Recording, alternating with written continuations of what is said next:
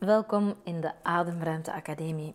Een plaats waar je he, he, even op adem komt. Want wij hollen van ochtend tot avond, van her naar der, van hot naar her en heel vaak ja, hollen wij onszelf voorbij en soms ook te pletter.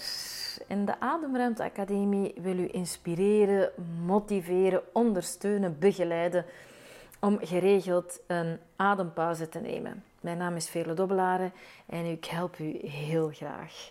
Als je na het beluisteren van de podcast zegt, oh, ik heb wel goesting om wat meer uh, op adem te komen, wat ademsteun nodig, dan neem gerust een kijkje op onze website waar wij heel laagdrempelige, toegankelijke programma's aanbieden, want ik geloof dat ademruimte voor iedereen is. Geniet ervan.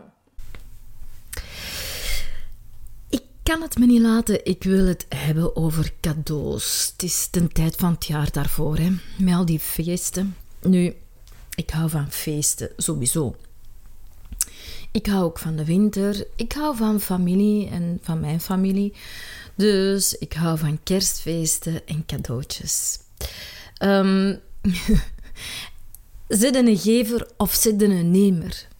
Als mijn man luistert, dan krullen nu zijn tenen, want die houdt niet van het Wooslands accent. Zet een gever of zet een nemer. Ik was heel lang um, iemand die liever cadeautjes gaf dan dat ik ze ontvang. Omdat, ja, ik hou ervan om, om sowieso iets uit te zoeken. En dan heb ik het beeld van voor wie wil ik nu een cadeautje kopen? Wat is er speciaal aan die persoon? En wat zou die nodig hebben? Waar zou ik die plezier mee doen? Waar zou ik die mee ontroeren? Want dat is mijn ding, dat weet je al als je mij volgt. Ik hou van ontroeren. Ik ben ehm, hier, laat ons zeggen, of het is mijn missie om iets te raken en in beweging te zetten. Dus ook met cadeautjes. Um, vroeger toen ik nog meer tijd had en minder geld. Niet dat ik nu zoveel geld heb, maar ik heb toch geld om in een winkel iets te kopen, wat ik vroeger niet had.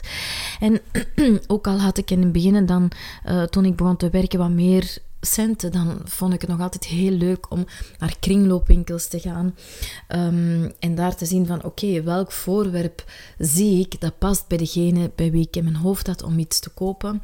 Ik schreef, schreef er zelf een tekstje bij, ik knutselde, vreubelde, om dan het cadeautje te geven en uh, te zien wat ik dus in beweging bracht. Um, ik hou ervan om dingen zelf te maken.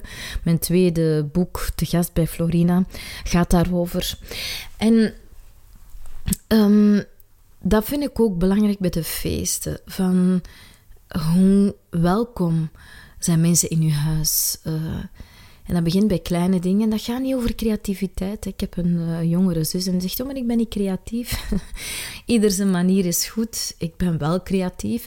Maar dus het gaat over die feesten, die cadeautjes voor de anderen, maar ook aan jezelf. En dat begint bij kleine dingen. Um, hoe ziet mijn gang eruit waarin de gasten binnenkomen? Hoe ziet mijn tafel eruit? En al die kleine elementjes, een vaasje met bloemen, een gedichtje, een mooi woord, um, binnen een cadeautje aan tafel, eh, dat zorgt ervoor dat die feesten nog feestelijker worden.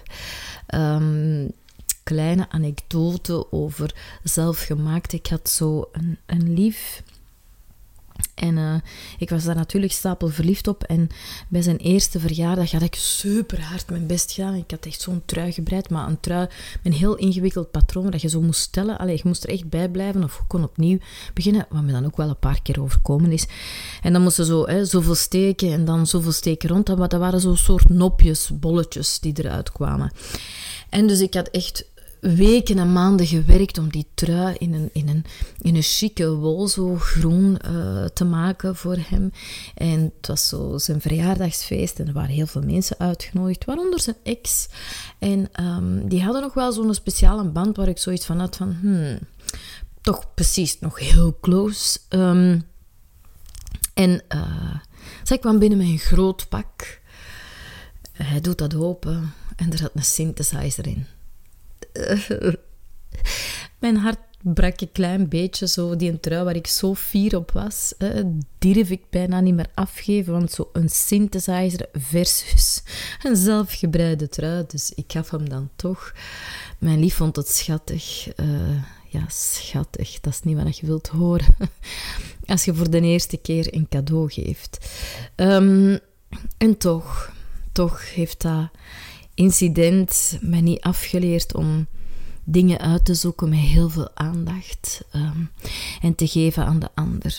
Dus wat ik al zei, ik kan het niet laten om jullie uit te nodigen, of jij, degene die nu luistert, u, jij, om u uit te nodigen om aandacht te geven aan de persoon voor wie dat je het cadeautje uitzoekt.